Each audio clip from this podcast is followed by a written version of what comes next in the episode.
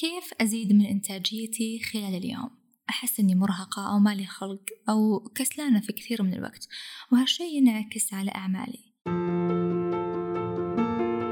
أهلا وسهلا فيك في حلقة جديدة من بودكاست نفس. أنا سماح العثمان مدربة في السلام الداخلي ومدربة تقنيات العلاج بمجال الفكرة.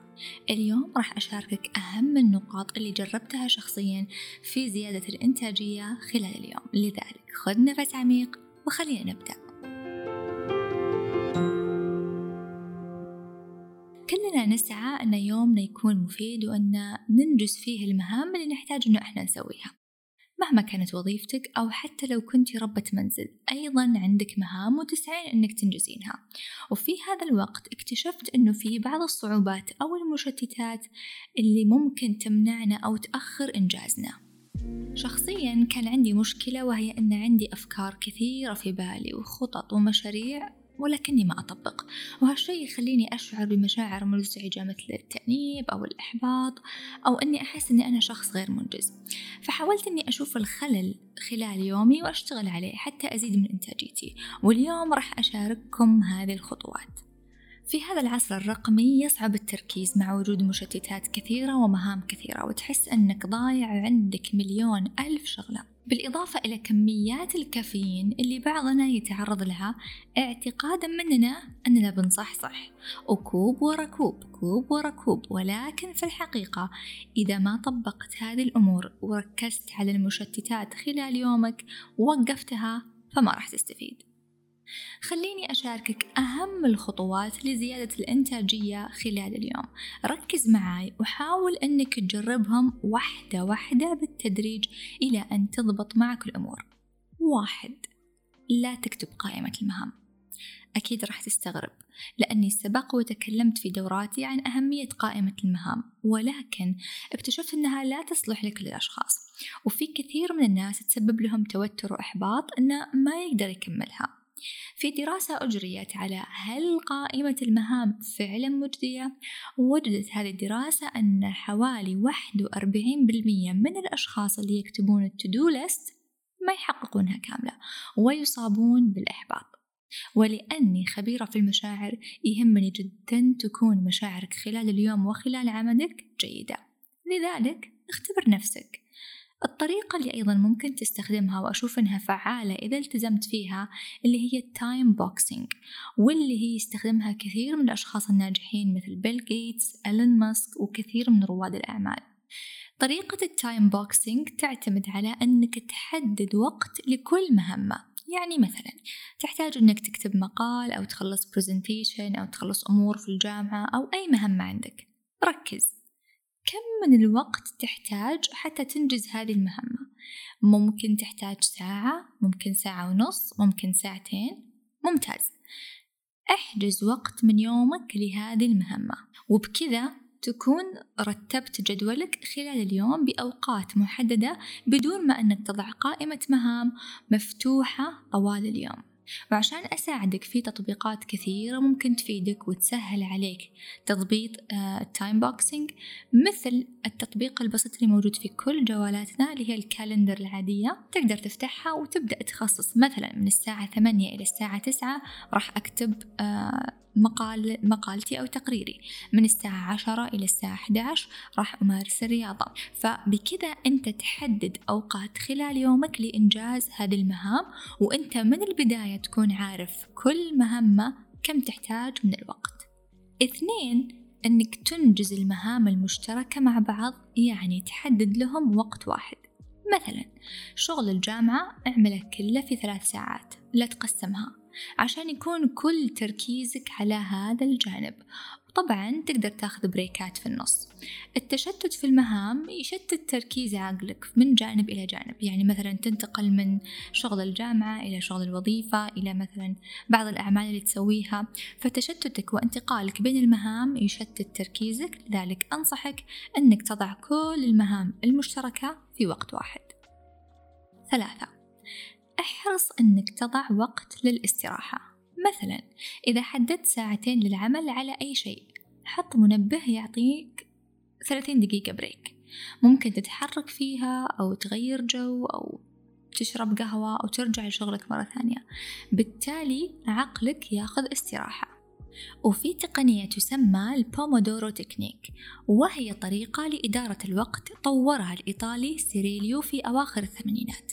إيش تقول هذه التقنية؟ بصراحة الطريقة حلوة ولطيفة وهي إنك تقسم شغلك لمدة خمسة وعشرين دقيقة وبعدها تاخذ break خمس دقايق وبعدين ترجع من جديد خمسة وعشرين دقيقة وبعدين تاخذ break خمس دقايق.